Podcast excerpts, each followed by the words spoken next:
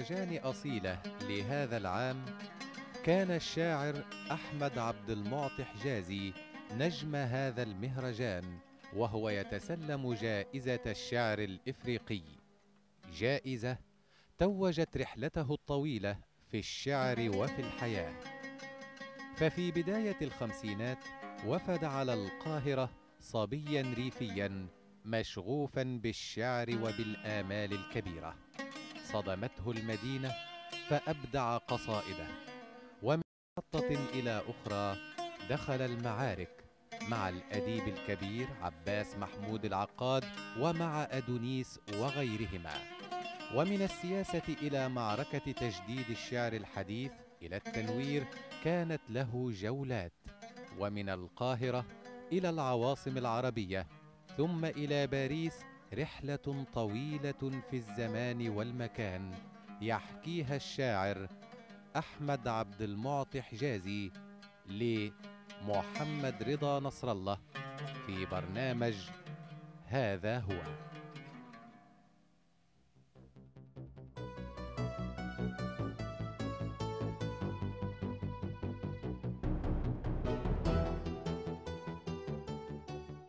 أصدقائي نحن قد نغفو قليلا ثم نصحو فإذا الوقت يمر. وإذا نحن تغيرنا كثيرا وبلغنا عامنا التاسع عشر. هذا العمر يا أستاذ أحمد عبد المطي الحجازي يشكل منعطفا حاسما في تاريخ الإنسان. بوصفك شاعرا انطلق من البيئة الريفية. وجاء ضمن أحداث وظروف اجتماعية وسياسية حيث ولدت فيما بين الحربين العالميتين. هل من حديث هنا عن ظروف النشأة والتأثير السياسي والتأثير الثقافي؟ طبعا. آه عندما كنت في السادسة عشرة من عمري كان ذلك في عام 1951 أي قبل ثورة يوليو 1952 بعام واحد. وعندما كنت في السادسة عشرة من عمري كنا قد دخلنا تلك الحرب التي فقدنا بعدها فلسطين عام 48 وعندما كنت في السادسة عشرة من عمري كنت قد غادرت عالم الطفولة ودخلت عالم الرجولة. عالم الشباب. كنت قد عشت سنوات المراهقة معذبا ومكتشفا أيضا أو معذبا بالاكتشاف الذي أظهر لي في نفسي وفي العالم أشياء لم أكن أراها من قبل. كان لي أو كان قد أصبح لي جسد آخر ووجه آخر وقلب آخر. وكنت قد أصبحت مستعدا لأن أنفصل عن عالم الأسرة وأدخل في عالم المجتمع الكبير. كنت أيضا قد انفصلت عن عالم القرية وانتقلت إلى عالم المدينة القريبة التي كنت أدرس فيها في في المرحلة الثانوية. تلك الفترة بالتالي كما لاحظ الناقد الأستاذ رجاء النقاش لم تكن لم تكن في حياتي فحسب يعني أقصد نعم. آه إنه كانت إنه تعبير عن مرحلة نعم. نعم.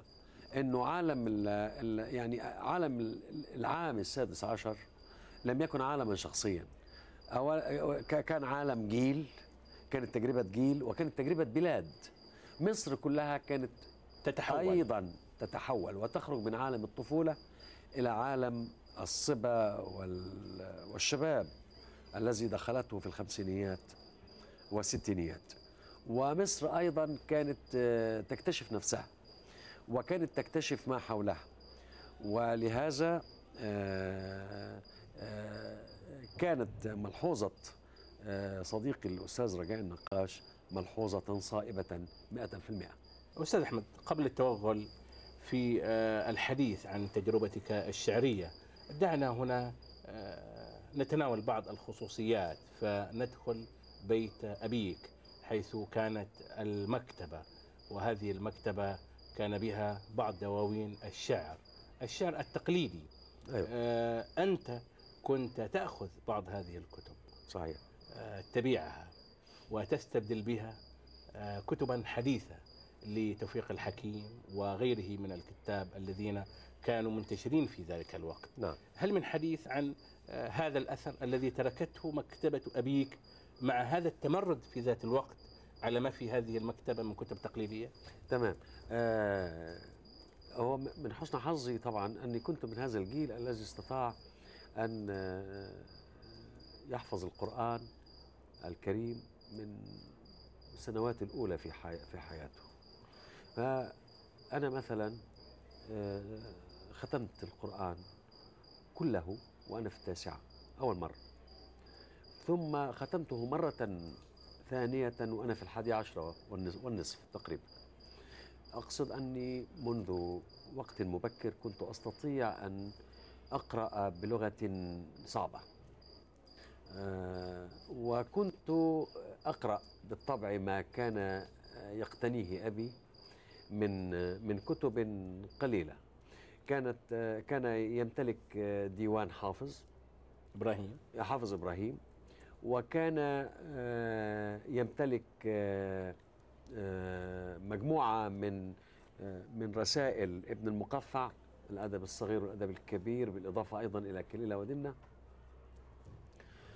وكان يمتلك آه، عدة كتب في سيرة سعد زغلول لأنه كان آه، سعدي. كان كوفدي. مفتونا به كوفدي نعم وكان يمتلك آه، مجموعات كبيرة تكاد تكون كاملة من بعض الصحف والمجلات الأسبوعية خصوصا خصوصا المجلات الأسبوعية التي كانت تصدر آنذاك ومن ضمنها آه، مجلة المصور وخصوصا ال- الأعداد الخاصة التي كانت تصدرها مجلة المصور ومجلة الاثنين والدنيا وهكذا. فكنت اولا و- وكان يمتلك أيضا مجموعة من المصاحف القيمة وكان يمتلك كذلك آه، مخطوطات.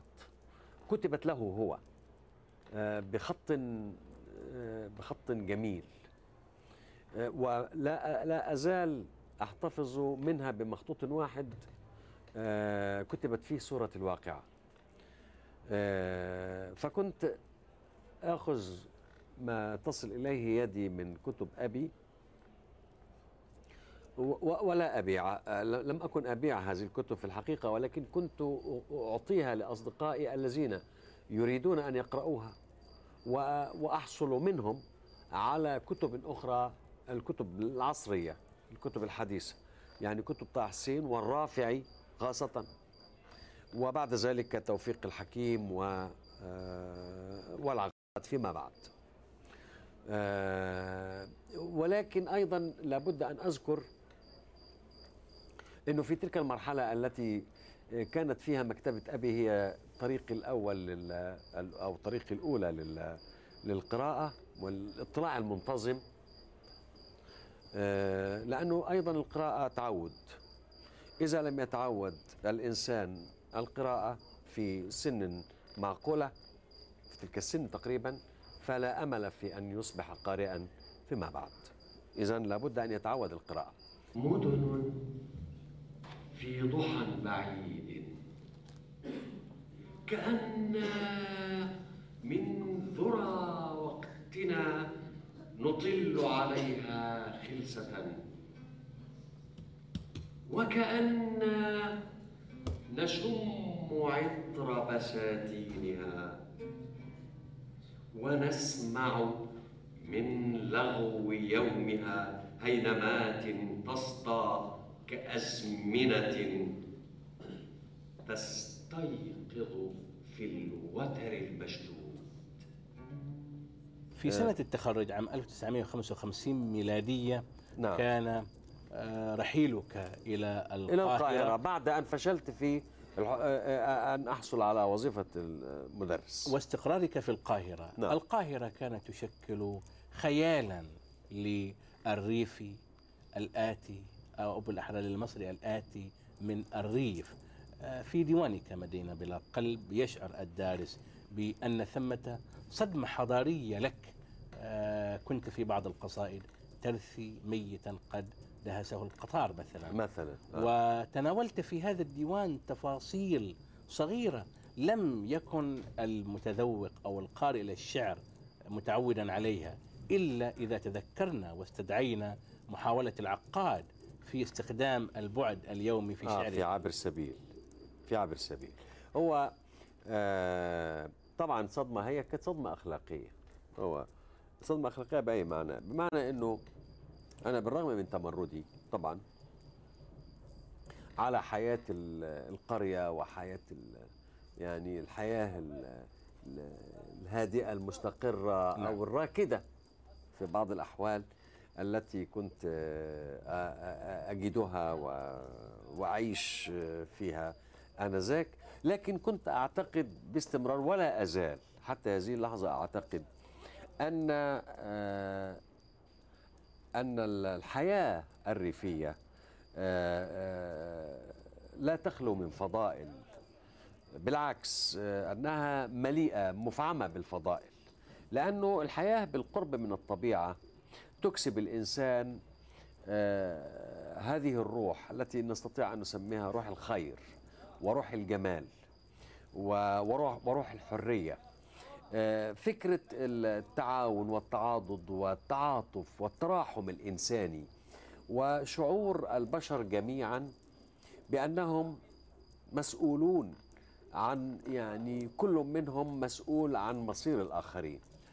آه، هذا آه، هذه الأخلاق هذه الفضائل التي آه، التي عشت عليها في في الريف افتقدتها طبعا في المدينة الكبيرة إذا في القاهرة. لنقف في المدينة مدينة القاهرة. هل كنت تقوم بإعادة إنتاج لدور بودلير الفرنسي الذي كان قد سجل تفاصيل المدينة الباريسية في شعره؟ طبعا ولكن في ذاك الوقت لم أكن أعرف بودلير وثم إن هناك فرقا آه، كبيرا بيني وبين بودلير. إنه بودلير هو باريسي في الأصل.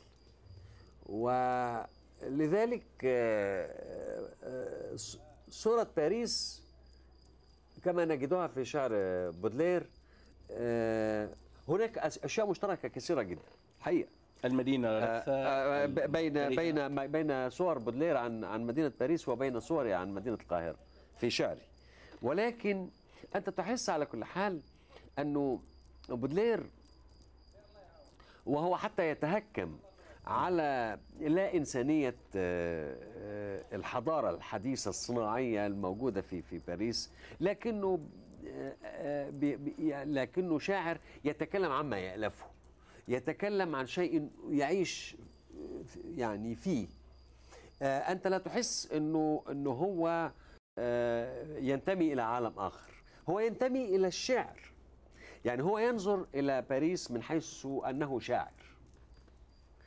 ولذلك آه، يقف أمام ما هو غريب مدهش ميت صناعي مصطنع آه، قبيح و آه، وقد تحس أيضا بالرغم من من من أو على العكس مما يقال ويشاع عن بودلير إنه بودلير كأنه إباحي. حقيقة الأمر أنك تحس باستمرار في شعر بودلير نغمة دينية أزاء إزاء ازاء آه، هذا التهتك. يعني هذا أيوه تهتك. المدينة أيوه. والقبح وانعدام و- وانعدام الروح نعم. يعني موت الحضارة أو موت آه، آه، الأخلاق أو أو أو موت الإنسان في المدينة الكبرى إذا دعنا في. المدينة الصناعية يعني أو في في الحضارة الصناعية هذا هذا آه، بودلير بالنسبة لي آه، الأمر كان مختلف كان مختلفا لأني أنا قادم من عالم آخر أنا أنا اقف في مقابل المدينة. أنا آه، أنا الطبيعة. أنا في مقابل الصناعة. أنا القرية في مقابل ال- الريف في مقابل المدينة إلى آخره. ها؟ لا أعتقد أن هناك خلافا في أن الشاعر أحمد عبد المعطي حجازي آه، في طليعة الشعراء العرب المعاصرين وأنه قاد أو ممن قادوا حركة التحديث في ذلك في هذا الشعر منذ أواسط هذا القرن آه، وإن وأنه قد تميز أيضا آه، في هذا المضمار آه، بما يعرف الآن آه، بشعر المدينة آه، الشعر الذي آه، حاول التصدي لتجربة الحياة المدنية آه، كما يعيشها الإنسان في القاهرة أو في الرباط أو في آه، المدن أي مدينة عربية أخرى اليوم. آه، تجربة حجازي آه، كانت رائدة آه، لأنه كأنما تخصص في هذا الجانب وأبدع فيه. آه، في شعره آه، نجد الإنسان آه، البسيط الإنسان اليومي آه، الإنسان الذي آه، آه، لا يصنع البطولات وإنما يعيش همه اليومي وصراعه من أجل البقاء. والمعروف أن هذا آه، الجانب الإبداعي أو الجانب ال- من الموضوعات آه، تميز في القصة وفي الرواية أكثر مما هو في الشعر. إذا هنا دعنا نقف عند هذه المقارنة بين بودلير الذي أسس ومعه رامبو آه، تيارا للحداثة الأوروبية والفرنسية على وجه الخصوص. أنت في ديوانك مدينة بلا قلب وصلاح عبد الصبور في أحلام الفارس القديم على الصعيد المصري كنتما تؤسسان مفهوما للحداثة الشعرية في مصر أيوة. وقت ذاك ماذا عن الأثر الأوروبي في تكوين شعريتكما الدارس يلحظ أيوة. ثمة آه، مؤثرات ما في شعرك مثلا في ذلك الوقت في في في في الخمسينيات آه، آه، يعني لابد من من الإشارة إلى أن هناك فرقا في السن بيني وبين صلاح رحمه الله. هو ولد في عام 1931 وأنا ولدت في عام 1935 فبيننا خمس سنوات تقريبا. هو ال- النظم آه، والنشر في ربما في أول الخمسينيات وأنا بدأت آه، النشر في خ- 55 بالضبط. ف في عام في في تلك السنوات كان قد آه، اكتشف لنا لويس عوض اكتشف لنا آه، تي إس إليوت وقدمه لنا وترجم آه، عددا من أشعاره ولذلك بالإضافة طبعا إلى ما كنا نقرأه من الشعراء الرومانتيكيين الذين كانوا قد ترجموا من قبل نعم. يعني مثلا لويس عوض رحمه الله أيضا كان قد ترجم آه، يعني بروميثيوس طليقا لشيلي وكان آه، إبراهيم ناجي قد ترجم آه، أزهار الشر بتاع لبودلير. و- و- وهكذا وكان هناك تشايلد هارولد الذي ترجمه عبد الرحمن بدوي وكان هناك أشعار ترجمت للشاعر الألماني هايني وكانت هناك آه، قصائد ترجمت أيضا ل ل- ل- ل- لعدد آخر من الشعراء الإنجليز الرومانتيكيين من القرن التاسع عشر مثل كيتس و و وسوى هؤلاء. ولذلك آه، بالإضافة بالطبع إلى ما كنا نقرأه حتى عن هؤلاء الشعراء مما كتبوا أمثال أحمد الصاوي محمد و عبد الرحمن صدقي وعبد الرحمن. صدقي في في الشعر الرجيم إلى آخره. فكانت هذه وكنت أنا أقرأ آه، ب- بإنجليزية يعني آه، محدودة ال محدودة ال ال القيمة في الحقيقة. يعني كانت إنجليزيتي متواضعة جدا آه، في في الخمسينيات. من هذه القراءات المباشرة باللغة الإنجليزية وهي محدودة كما ذكرت وكنت أقرأ الرومانتيكيين أساسا. خصوصا ويرزورث آه، آه، بالإضافة إلى ال- التراجم التي كانت آه، متوفرة في أواسط الخمسينيات اتصلت بال بال بالشعر ال ال الأوروبي. ولكني لم أتصل بالشعر الأوروبي مباشرة اتصالا وثيقا إلا عن طريق الفرنسية. وحتى الشعر الإنجليزي. يعني أنا قرأت آه، الويستلاند. قراءة جيدة عن طريق آه،. ترجمة آه، مزدوجة يعني بيلانج فرنسية يعني الترجمة الفرنسية ل- ل- للأصل الإنجليزي المثبت في نفس الترجمة. ولكن إذا رجعنا عن حجازي الحقيقة هو أعتقد هو امتداد أرقى ثقافيا وليس روحيا من السيام. وطبعا هو ابن عصرة وهو وريث آه، وكل جيل يبني على إنجاز جيل آخر. فيصعب مقارنة شيء بشيء. وأنا م- محب لقصائد عبد المعطي حجازي محب أيضا لقصائد آه، عبد الصبور. ولكن الدهشة الأساسية اللي ضربت قلب العالم العربي وعقله هو السياب. فكان كان كل صدى آخر هو ترجيع أضعف. وبالنسبة لي يبدو ال ال ال ال أحد حجازي أحد عمالقة ال- عمالقة عصر. ولكن هذه المرحلة بأكملها تبدو لي أنها الآن أصبحت ملك التاريخ. ولذلك آه، مع حب الشديد لإنجازه وأنا تأثرت بقصائد وأهم قصائده بالحقيقة بالنسبة لي هي آه، موت لاعب سيرك وإيثاكا وشغلات أخرى لا أستطيع آه، أن أذكرها الآن. لكني أعتقد أنها تنتمي إلى القصائد البنائية والأيديولوجية في بعض مقاطعها. وهو طبعا عنده آه، الحقيقة حضور في التفاصيل وفتح باب التفاصيل وأفق القصيدة انفتح على التفاصيل ما على إيده وعلى إيد عبد الصبور. آه، هناك بعض النقاد قد أخذ عليك في ديوانك الأول ضعف الأداة اللغوية. أي أن الأستاذ حجازي لم يكن يتملك ناصية اللغة والمفردات الجزلة. نعم. هنا نريد أن نقف متحدثين عن هذه النقطة مع قصة معركتك الشهيرة مع عباس محمود العقاد. الذي أحال شعرك وشعر صديقك عبد الصبور إلى لجنة النثر الفني. هل من سبيل لتوضيح هذه النقطة؟ أيوة. وذكر القصيدة التي تحديت بها الأستاذ العقاد.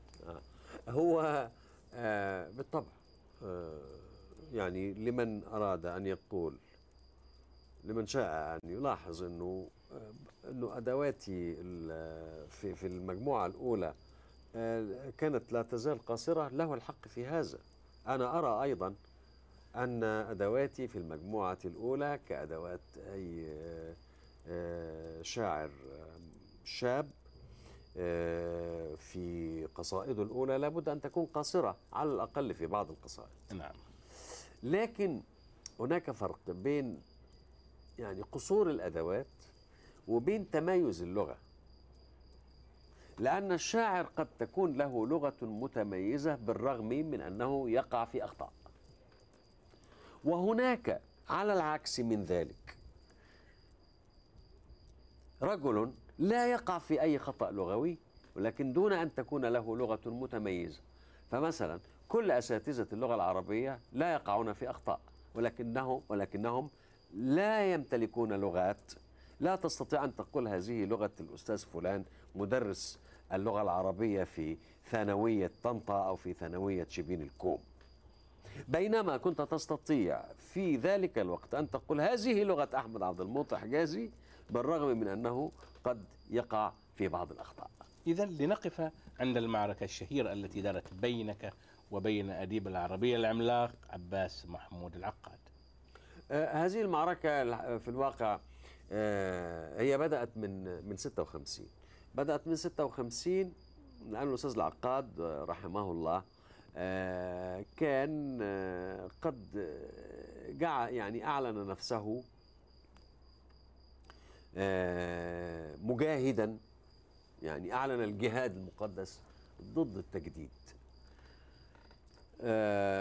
طبعا له الحق لأنه يمثل في الشعر. موقفا آخر. لكن ال ال يعني أنا الآن أرى آه، بالرغم من أني أعطيه الحق آه، أنه هو كان آه، متطرف. هو كان متطرفا جدا. وكيف تعطيه الحق؟ أعطيه الحق في الدفاع عن موقفه. و... ولهذا وأنا أحترم جدا خصومي. و... و... وخصوصا إذا كان خصم عظيم مثل العقاد. نعم. العقاد قامة رفيعة جدا ومهيبة وعالم شاعر آه، كاتب آه، مؤثر آه، وجه من وجوه نهضة آه، نهضة بلد. فلذلك آه، أعطيه الحق وأجله الآن طبعا. وحتى عندما كانت هناك الخصوم أي أيضا أنا أنا متطرف مثل الأستاذ العقاد. ولذلك هو أحال قصيدتي إلى لجنة النثر وأحال قصائد غيري. وهو شتم صلاح عبد الصبور و... ولم يشتمني ولكني أنا يعني سارعت بال- بالرد على الأستاذ العقاد. وكتبت هذه القصيدة. ماذا قلت لأن- في هذه القصيدة؟ آه، هي تبدأ هكذا. من أي بحر من أي بحر عصي الريح تطلبه؟ إن كنت تبكي عليه نحن نكتبه. يا من يحدث في كل الأمور ولا يكاد يحسن أمرا أو يقربه. أقول فيك هجائي وهو أوله وأنت آخر مهجو وأنسبه. تعيش في عصرنا ضيفا وتشتمنا أن بإيقاعه نشدو ونطربه وأننا نمنح الأيام ما طلبت وفيك ضاع من التاريخ مطلبه وفيك لا أمسنا زاه ولا غدنا وفيك أبهت ما فينا وأكذبه. وتدعي الرأي فيما أنت متهم فيه وتسألنا عما تخربه وإنه الحمق لا رأي ولا خلق يعطيك رب الورى رأسا. فتركبه مستفعل فاعل مستفعل فاعل مستفعل فاعل مستفعل فاعل. إلى آخر القصيدة. إنه لرد قاس طبعا. وهو الأستاذ العقاد. طبعا أنا أقول هذا الكلام الآن وأنا أشعر بأني كنت شديد القسوة وكنت آه، يعني قد فقدت آه، ما ينبغي لي من احترام رجل عظيم مثل العقاد وكنت قد أخذ آه، يعني أخذني الزهو. وطيش الشباب. آه، وطيش الشباب فأردت أيضا أن أعلن لا فقط ليس فقط عن عن شاعريتي ولكن عن شاعرية جيل كامل وكأني قلت لنفسي كما يعني هناك بعض الثورات البيضاء وهناك بعض الثورات الحمراء. قلت إنه لن يصلح أمر هذا الشعر الجديد إلا إذا يعني قتلت الأستاذ العقاد. ف قتلته فانا معنويا وأدبيا. فأنا آه، كتبت هذه القصيدة ونشرت في جريدة الأهرام. آنذاك. وكان هذا حدث خطير. سنة 61 الأستاذ العقاد اضطر إن هو يرد علي ماذا قال؟ قال إنهم هم الذين يعيشون في عصر العقاد وليس الع... وال- والعقاد لا يعيش في عصره. ملاحظ بأن الأستاذ حجازي دائما ما يريد أن يسحب طرائق التعبير إلى خانته. لنقف هنا عند آه، مؤاخذاتك الكبيرة على شاعر كبير كأودونيس. حدثنا عن ذلك. لا يعني ما عنديش كلام غير ال- اللي أنا قلته. وما وأنا لا أقصد أدونيس أو غير أدونيس. أنا أقصد طريقة. أنا لا يهمني ما يكتبه أدونيس. أو هو بالذات يعني. أنا أقصد طريقة في في الكتابة. أنا أقصد أنا أقرأ أدونيس فأجد إن أن له شعرا جيدا جدا فأقرأه فأحبه. وأجد أشياء لا أحبها. ولا أرى أنها من الشعر. ولكني أجد جوقة من الكتاب والصحفيين والجرائد والصحف والمجلات والنقاد وفي أمريكا وفي وهناك آه، وهذا ما ما ما أريد أن أن أتحدث عنه. كأنه هناك آه، محاولة ل- ل- لإرهاب الناس. أن أن يقولوا لا أو يقول لا أحب هذا. كأنه عندما يأتيني واحد من أمريكا أو واحد من إسبانيا أو واحد من فرنسا ويقول لي إنه أدونيس شاعر عربي علي أنا العربي أن أصدق هذا ال- القادم من من كندا مثلا أو من الولايات المتحدة. لا آه، هذه مسائل لا ترهبني. هل تشعر بالغيرة من أدونيس وهالته وشهرته وكثرة تلاميذه ومريديه؟ لا أنا أنا شخصيا لا أظن لأنه أيضا هناك شعراء كبار كثيرون جدا. لماذا يعني تكون الغيرة من ادونيس لماذا لا أغار مثلا من بدر شاكر السياب؟ أنا رأيي أن بدر شاكر السياب أكبر عشر مرات من ادونيس لماذا لا أغار من صلاح عبد الصبور؟ صلاح عبد الصبور في نظري أشعر. لماذا لا أغار من أمل دنقل هناك شعراء كثيرون. محمود درويش. نازك الملائكة هؤلاء لماذا؟ يعني المسألة ليست آه وأنا لا أريد أن يعني أن آه، أنشئ آه، يعني يعني أدونيس ليس موضوعا لحرب أو لصراع لا بيني ولكن غيري إنما أيضا أنتم بالذات ال- يعني رجال الإعلام تريدون أن يعني تشعلوا معركة والمتفرجون يصفقون. لا. ماذا لا. عن كتابه الأخير أو ديوانه الأخير الكتاب الذي نسب فيه مخطوطة ضائعة للمتنبي فأقام على هذا بناء شعريا؟ لا لا أنا هذا لا يهمني وأنا الآن أنت تحدثني عن شعري ولا تجرني للحديث عن عن عن شعر أدونيس وكتابه وإلى آخره. هذا لا يهمني. إذا لنقف عند ديوانك التالي أو الثاني لم يبق إلا الاعتراف. آه. لنستبطن هنا التجربة العاطفية التي ربطتك بزوجتك وأم بنيك الدكتورة سهير عبد الفتاح. م. هناك بعض القصائد في هذا الديوان كأنها مخصصة إليها. طبعا. آه، في في فترة من الفترات كان قد نشأ خلاف بيني وبين آه، صهري رحمه الله والدها و وهي طبعا باعتبارها إنها بنت مهذبة وملتزمة بما يفرض عليها أبوها آه، وهي تحبني ونحن كنا يعني آه، كنا عاشقين. فكيف أستطيع أن أصل إلى وأنا لا أستطيع أن أراسلها بالطبع. فكنت أكتب لها قصائد وأنشر هذه القصائد في مجلة صباح الخير وبعنوان حبيبتي. كل أسبوع. و... كل أسبوع. كل أسبوع. وهذه ال... وهي تقرأ هذه القصائد و...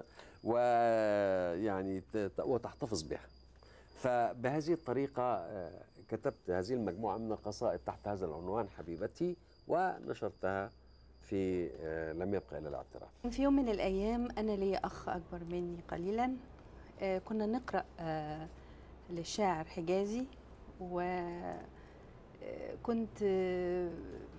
يعني كان أقرب شاعر ليا لأنه قرأت له قصيدة أنا فاكراها جيدا في ديوانه الأول مدينة بلا قلب اسمها سلة ليمون. هذه القصيدة آه، أثرت فيا جدا جدا. والطريق للسيدة.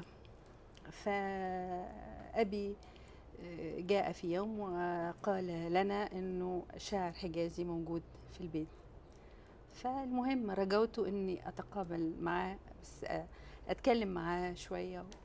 فأنا وأخي يعني. في النهاية أبي قبل وذهبت في الصالون في بيتنا أتكلم معاه. والمهم آه، اتكلمنا شوية. طبعا أياميها أنا كنت آه، يعني صغيرة وما كانش كنت بتكلم بشكل طبيعي. فهذه هي المرة الأولى. وفوجئت بعدها إنه أحمد طلبني للزواج وكنت في الوقت للخ... يعني إنه يخطبني. في ذلك الوقت أنا كنت صغيرة وما كنتش متخيلة إن أنا هتجوز. ولا أبي حتى يعني رفض لأنه كنت لسه صغيرة. المهم حصل خطوبة وقبل ال- الخطوبة أنا ما كنتش يعني هي الحكاية تقليدية جدا. يعني الخطوبة تمت بشكل تقليدي الأول جدا. أثناء الخطوبة حبينا بعض جدا. يعني تعرفنا أكتر واتكلمنا كتير وحبينا بعض فعلا. إذا لنقف هنا يا أستاذ أحمد عند رحلتك بعد ذلك إلى فرنسا. ففي فرنسا كتبت روائعك الشعرية هناك كائنات مملكة الليل وبعد ذلك أشجار الإسمنت. آه، هل من حديث هنا عن دور المناخ الثقافي والفني والأدبي الذي تشبعت به أثناء إقامتك في فرنسا؟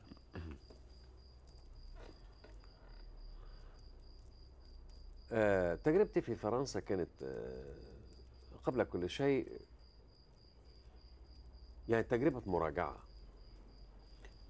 وتجربة آه، تأمل تجربة صمت بعد صخب كثير. وكنت محتاجا إلى هذا الصمت وكنت محتاجا إلى هذه المراجعة. آه، خصوصا أني أيضا انتقلت إلى عمل آخر غير العمل الذي كنت آه، أمارسه من قبل. كنت أكتب بالطبع في الفترة ال- يعني الفترة الأولى التي قضيتها في مصر أكتب في في في روز اليوسف صباح- الخير. في الفترة من يعني 56 إلى إلى 73 أو إلى 74 آه، يعني ما يقرب من 18 سنة أو أو تقريبا 18 سنة. بعد ذلك انتقلت وعندما ذهبت إلى فرنسا إلى العمل في التدريس والعمل في التدريس أتاح لي فرصة طويلة يعني فرصة كافية لل للقراءة وال- والتأمل والمراجعة. آه، لأني كنت أعمل خمس ساعات في الأسبوع. وكان هذا يتيح لي وكنت أقرأ. طبعا. وكان هذا يتيح لي وكنت كذلك أعيش في مجتمع ليس لي.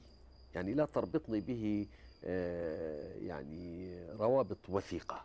فكنت كأني آه، أعيش وحدي. بالرغم طبعا كان لي أصدقاء آه، من الفرنسيين وكان لي أصدقاء من العرب الآخرين الموجودين هناك. كان لي من الأصدقاء الفرنسويين أمثال بيرك مثلا وابن الشيخ وأندري ميكيل وسوى هؤلاء. ولكن آه، كما ذكرت هذا لا ينشئ آه، يعني هذا ليس مجتمعا. آه، يعني ولا تقوم بينك وبين المجتمع علاقات لمجرد أن لك صد... آه، صداق يعني ثلاث أربع أصدقاء. آه، وكنت أصبحت قد يعني قد أصبحت بعيدا عن عن عن عن عن ال- آه، الحياة اليومية والصراعات اليومية. آه، في في مصر وفي غيرها من البلاد العربية. ولذلك آه، آه، كانت ال- آه، الإقامة في فرنسا كانت فرصة للمراجعة وكانت فرصة لإعادة التثقف وكانت فرصة آه، يعني لاستعادة النفس أيضا. ربما أنا أقول أحيانا لنفسي أنه ربما لو كنت ظللت أقيم في مصر آه، في تلك الفترة ربما كان مصيري كما يكون كمصير صلاح عبد الصبور أو نجيب سرور أو ميخائيل رومان أو آه، آه، محمود دياب آه، أو صلاح جاهين. هناك هناك جيل من من من يعني آه، كامل هناك أصدقاء كثيرون ماتوا انتهوا في تلك الفترة. آه، سواء ماتوا موتا ماديا أو أنهم آه، سكتوا وكفوا عن النشاط وكفوا. أنا آه، لحسن الحظ أني انتقلت. ربما كان هذا الانتقال نوعا من الميلاد الجديد. أحمد عبد المعطي حجازي الآن كما أضعف من ما كان سابقا. ربما لأن القصيدة الحديثة عنده كانت تلامس القضايا المصيرية العربية كانت تلامس القضايا الفكرية الكبيرة. ربما الآن هذه القضايا أصبحت في خانات أخرى. لم يعد الشاعر رائيا كما كان سابقا. لم يعد الشاعر مجسا حقيقيا لكل ما يحدث في هذه الأمة. من هنا بدأت قصيدة عبد الم... أحمد عبد المعطي حجازي تسلك أبوابا جديدة ربما لم تكن موفقة مثل ما كانت في السابق. في وقفتنا الأخيرة نريد هنا أن تتحدث لنا عن أحفاد شوقي وقد خصصت لهم كتابا كاملا هل من وقفة؟ أحفد شوقي آه، أنا أطلقت هذا الاسم على الجيل الجديد من الشعراء المصريين ال- وأقصد بهذا الجيل الجديد يعني الشعراء الذين آه، يسمون شعراء السبعينيات قلت سم آه، أحفد شوقي لأني لماذا تحديدا شوقي؟ أنا أردت أن أقول إنكم جيل من أجيال الشعراء العرب. وأنتم بما أني كنت أتحدث فقط عن الشعراء المصريين عن هذا الجيل من الشعراء المصريين فنسبتهم إلى شوقي. لماذا لم يكن تم- عفوا لماذا لم تكن النسبة إلى حافظ إبراهيم مثلا أو إلى محمود حسن إسماعيل أو إلى ناجي أو علي محمود طه؟ لأنه أنا أردت أن يعني أنا أردت أن أستخدم اسم آه، متفق على أنه آه، يعني على نسبة الأجيال له وعلى أنه كان قامة آه، كبيرة وعلى أنه كان جد للجميع كان جدا للجميع هل تشعر أنت بهذه النسبة؟ هل كان شوقي جدك يا أستاذ أحمد؟ هل كان جدك؟ نعم. آه، كان من أجدادي. آه، ربما لم يكن كذلك في في البداية. آه، أنا أول ما ما قرأت قرأت حافظ إبراهيم أكثر. كان كان أبي يحبه. وعندما وأول ما قرأ وأول وأول الشعر الذي أحببته ليس ليس شعر المعاصرين ولكن شعر القدماء. مثلا أنا أنا أحببت المعلقات قبل أن أحب شوقي. وأحببت من المعلقات بعضها بالذات. في هذا الإطار هل بالإمكان الحديث عن استثمارك لهذه القراءات التراثية القيمة في شعرك بعد المرحلة الباريسية؟ آه يعني آه استثمار مثلا آه أنا استثمرت آه آه الوقوف على الأطلال. في في قصيدة في قصيدتي طلاليه وفي قصائد أخرى. آه في في طلل الوقت أيضا آه وهي قصيدة أخرى غير طلالية.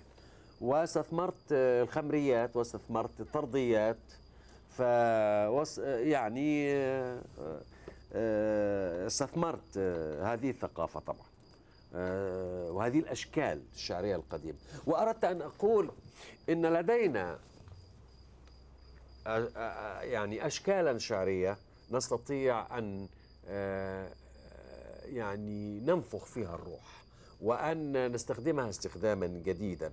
وأن نضيف إليها وأن نجرب فيها. آه، ليس من الضروري لكي آه، تنتفع بالتراث أن تقلده. أردت أن أقول أنه الانتفاع بالتراث ليس شكله الوحيد أو ليس سبيله الوحيد هو تقليد التراث. بالعكس أنت تستطيع أن تنتفع بالت- بالتراث بأن تجري عليه تجارب. وهذا ما قدمته في هذه ال- القصائد. حملت رقم هاتفي واسمي وعنواني. حتى إذا سقطت فجأة تعرفتم علي وجاء إخواني. تصوروا لو أنكم لم تحضروا ماذا يكون؟ أظل في ثلاجة الموتى طوال ليلتين. يهتز سلك الهاتف البارد في الليل ويبدأ الرنين. بلا جواب مرة ومرتين. يذهب إنسان إلى أمي وينعاني. أمي تلك المرأة الريفية الحزينة كيف تسير وحدها في هذه المدينة؟ آه، عنوان برنامجنا هذا هو فحينما نطلب منك يا أستاذ أحمد عبد المعطي حجازي أن تعرف نفسك نريد أن نشير إليك بهذا هو أحمد عبد المعطي حجازي ماذا تقول؟ كل ما قلته آه، الآن وقبل الآن كل ما كتبته كل ما أتيته من فعل أنا أعترف به ولا أتنازل عن شيء منه وأقول هذا هو أحمد عبد المعطي حجازي. شكرا لك أستاذ أحمد عبد المعطي حجازي.